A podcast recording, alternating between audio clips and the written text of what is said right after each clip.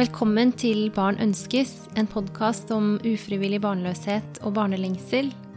Jeg heter Hedda, og dette er en episode som får bli som den blir, for ja, livet skjer. Egentlig så har jeg allerede spilt inn de neste par episodene av podden, og um, allerede begynt å planlegge flere episoder.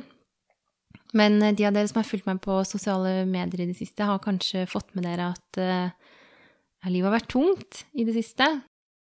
Og jeg har uh, slitt med å sette meg ned på kvelden og, og, skulle redigere den episoden som skulle kommet ut i dag. I dag er det søndag kveld og den dagen jeg pleier å publisere. Og så tenkte jeg da, ja, nå er jeg jo på et litt uh, vanskelig sted, så da kan jeg jo være litt grei med meg selv og legge lista litt lavere, og så spiller jeg inn en liten soloepisode og forteller litt om status og hva som har skjedd på vår reise siden sist. Uh, og så har jeg gått på noen hormoner som jeg har reagert ganske kraftig på i det siste, og tenkte at um, Tidligere i uka så tenkte jeg at når jeg bare får slutta på de, da skal jeg eh, sette meg ned og, og snakke litt, fordi da har jeg sikkert uh, funnet fotfeste igjen, fått tilbake perspektivet. Men så satte jeg meg ned på fredag og begynte å sette ned noen stikkord på papiret for hva jeg ville fortelle, uh, og det var bare kaos. Ikke noe konklusjon eller noe eh, godt budskap eller noen silver lining, bare, bare masse løse tanker som flaksa rundt. Og tenkte jeg, hva er poenget her, egentlig? Jeg kan jo ikke fortelle det. Men gjennom helgen så har jeg tenkt at uh, kanskje nettopp er det som er budskapet. At uh, å være helt ærlig på at noen ganger i den prosessen her så går man seg helt vill. Ehm, man kan miste av syne hva man trenger, ta valg som ikke er bærekraftig, love seg sjøl å ta bedre valg neste gang, og så jammen velge å pines enda mer. For så desperat kan man faktisk bli. Sist gang jeg delte fra vår reise i podden, så var det sommerspesialen med Mari i sommer. Da fortalte jeg at vi hadde hatt vårt sjette negative søskenforsøk i mai, og at vi eh, kjente at noe måtte forandre seg. Så i juni så tok vi kontakt med en privat klinikk. og der fikk vi henvisning til en hysteroskopi, altså en undersøkelse hvor man går inn med et lite kamera i livmorhulen for å se etter f.eks. arrvev eller sammenvoksninger eller annet rusk og rask. Eh, og da fikk vi beskjed om at vi måtte belage oss på kanskje noen måneders ventetid. Den gjøres jo offentlig, i hvert fall i vårt tilfelle, den undersøkelsen. Og da tenkte vi ja, så fint, egentlig. Da kan vi ta oss noen måneders uh, pause fra IVF-karusellen og fokusere litt på andre ting. Og det var noen tegn allerede i juni på at uh, batteriet var ganske tomt hos meg. Um, men vi kom oss liksom helskinna fram til sommerferien. Og ferien vår var fantastisk. Skikkelig sånn lavterskelopplegg. Mye tid til bare å være sammen. Og jeg begynte å føle at jeg fikk litt tid til å kjenne etter. Hvem, hvem, er det jeg er nå? Hva er det jeg vil egentlig? Hva er det jeg har lyst til å bruke tiden min og energien min på? Jeg føler vi har levd i en slags unntakstilstand i årevis, ikke bare pga. søskenforsøkene, men hele reisen egentlig, med kreft og ufrivillig barnløshet, risikosvangerskap, liksom hele pakka.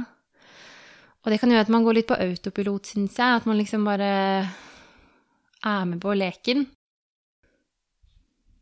Så det var godt, syns jeg, i sommer å, å, bruke litt tid på å kjenne etter. Og så kjente jeg mye på følelsen av at familien vår jo er komplett på sitt vis, selv om lengselen og sorgen etter et søsken er stor. Og jeg kjente på en slags liten gryende frihet i tiden min og hvordan jeg kunne disponere dagene mine. Jeg syns egentlig livet var ganske bra. Og um, egentlig så hadde vi satt opp et forsøk på, på den offentlige klinikken vi tilhører, i august. Um, men vi tenkte jo at ja, hvis det tok noen måneder å vente på ystroskopien, så var det kanskje like greit at vi avlyste det forsøket. Så en dag vi lå på stranda i sommer, så ringte jeg til, um, til det sykehuset som skal gjøre hystroskopien, bare for å spørre litt om hvor lang ventetid vi egentlig kunne forvente. Og da ble vi forespeila at eh, vi kanskje måtte vente til helt oppunder jul, eller til og med rett på nyåret. Og tenkte vi det blir liksom litt lenge å vente. Så da lå vi der, da, med sola skinnende på kroppen og fullt batteri, og tenkte ja, vi kjører på, vi, vi tar et fryseforsøk i august. Hvor tungt kan det bli, egentlig? Og svaret på det spørsmålet, det var skikkelig tungt. Det var den tyngste runden vi har hatt hittil. I starten av august så kom arbeidshverdagen og syklusstarten nesten samtidig, og det sa ganske raskt bare stopp for meg. Jeg vet ikke helt hva det handla om, egentlig, men jeg tror kanskje det handla mest av en følelse av total mangel på trua. Vi hadde jo ikke noe trua på det forsøket. All den friheten og gleden jeg hadde kjent på hele sommeren, det var bare poff, borte. Hver celle i kroppen min sa åh, jeg vil ikke dette, jeg vil ikke dette, jeg vil ikke dette, jeg vil ikke dette. Jeg følte meg så trengt opp i et hjørne at jeg ikke rår over de tingene jeg gjerne vil gjøre, fordi den prosessen her sluker hele meg i perioder. Jeg føler liksom at eh, vi er på et tog som går og går, og det føles som eh, Vil du være med, så heng på. Og impulsen min er egentlig å trekke i nødbremsen og si stopp, jeg vil ikke være med mer. Men det valget tør jeg ikke ta. Jeg er så redd for å angre. Men underveis i forsøket så prøvde jeg å lytte til meg selv og bestemte meg egentlig for at vi måtte diskutere om vi skulle ta en lengre pause. Kanskje i hvert fall til over jul, eller kanskje til og med til neste sommer. Jeg lengta så innmari etter muligheten og overskuddet til å bare være den mammaen og kjæresten og vennen og datteren og søsteren og kollegaen jeg gjerne vil være. Og vi begynte liksom så smått å snakke om det. Skal vi, hvis det ikke går nå, skal vi ta oss en lengre pause, prøve å finne tilbake til noe av alt det andre livet har å by på? Men så begynte det å nærme seg testdatoen, og vi skulle på familietur den helgen jeg hadde testdag.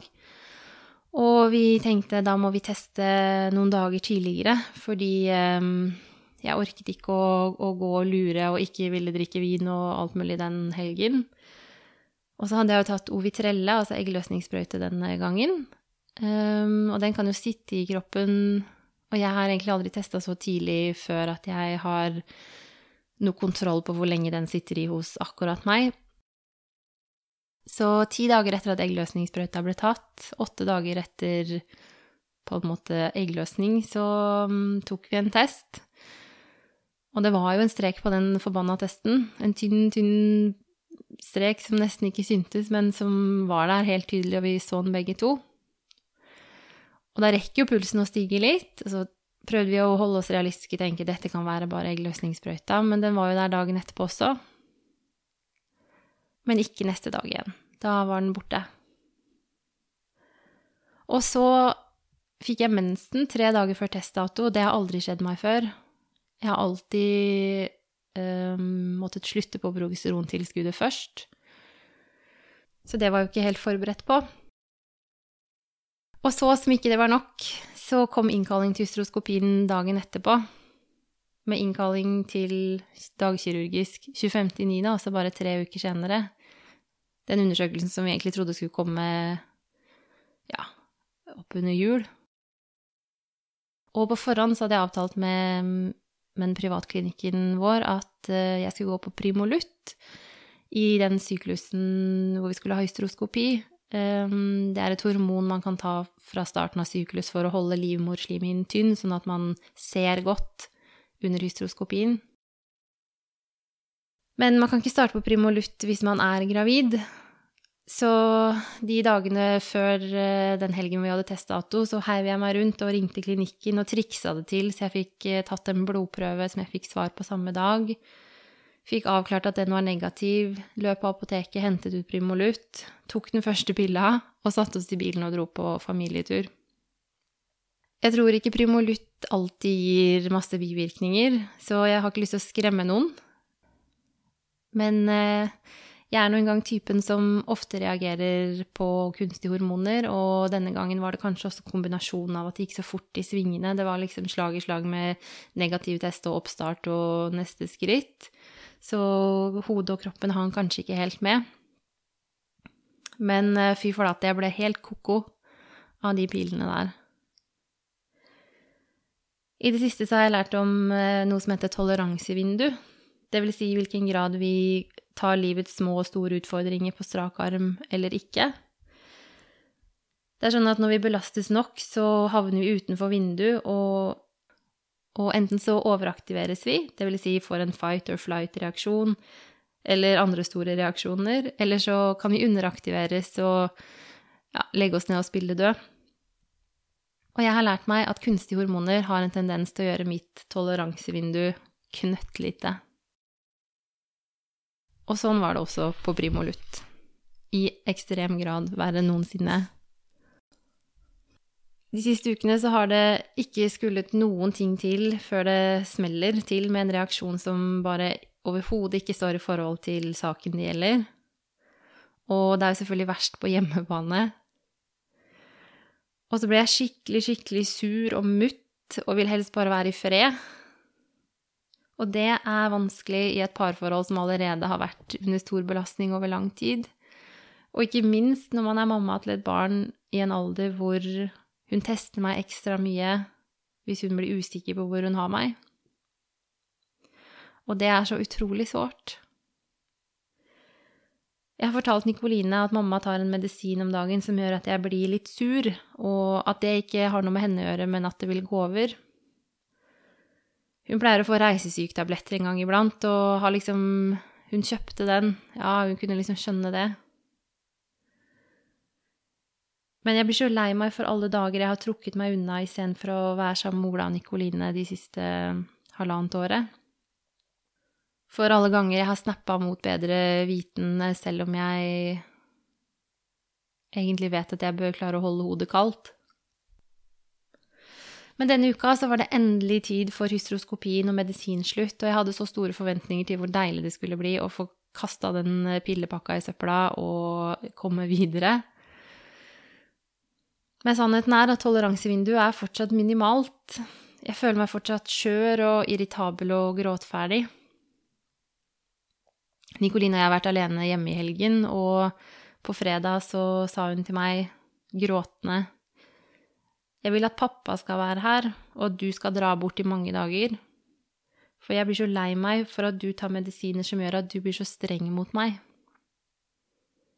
Den kvelden gråt jeg meg tvers gjennom hele leggeritualet vårt. Samtidig som jeg prøvde å forklare at uh, det er ikke farlig at mamma gråter, det er greit. Voksne kan også være lei seg. Nå har vi hatt noen skikkelig fine og nære dager sammen de siste par dagene, heldigvis. Men gråten sitter i brystet hele tida, og jeg klarer ikke helt å sortere hva som er greia, egentlig. Jeg har ikke medisinsk belegg for det her på noen som helst slags måte, men jeg tror at for meg så kan det være sånn at kombinasjonen omstendigheter, gammelt grums og kunstige hormoner kan slynge meg så ut av likevekt at det tar tid før jeg finner igjen balansen. Jeg kan kjenne igjen det fra det tredje søskenforsøket vårt for et års tid siden. Da hadde jeg gått på Estradot, som også er en av de hormonene jeg reagerer kraftig på. Og mens jeg de to rundene før det hadde kommet meg ganske fort tilbake i normalt gjenge etter at jeg slutta på medisinene, så var det ikke sånn den tredje gangen.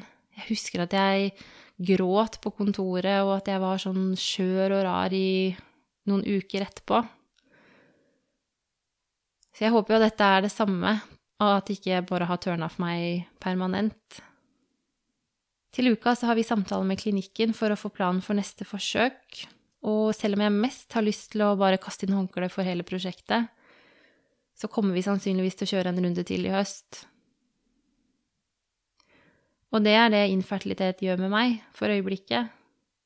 Det gjør at jeg sitter på toget midt i ingenmannsland og tør ikke å dra i den nødbremsen, for da må vi over i noe annet som er ukjent. Og jeg blir liksom ikke kvitt tanken på at drømmen er rett rundt neste sving, og at hvis vi gir oss nå, så ga vi oss rett før målstreken. Kanskje nærmer vi oss det punktet hvor vi går av toget. Kanskje ikke. Det vil tiden vise. Hvis du har kommet så langt i denne soloranten, så vil jeg si tusen takk for at du hørte på meg. Jeg håper at du er på et bedre sted. Men hvis du ikke er det, så vit at du ikke er alene. Jeg håper at podden er tilbake om 14 dager med det innholdet jeg hadde planlagt. Og inntil da så hører jeg selvfølgelig veldig gjerne fra dere. Vi høres.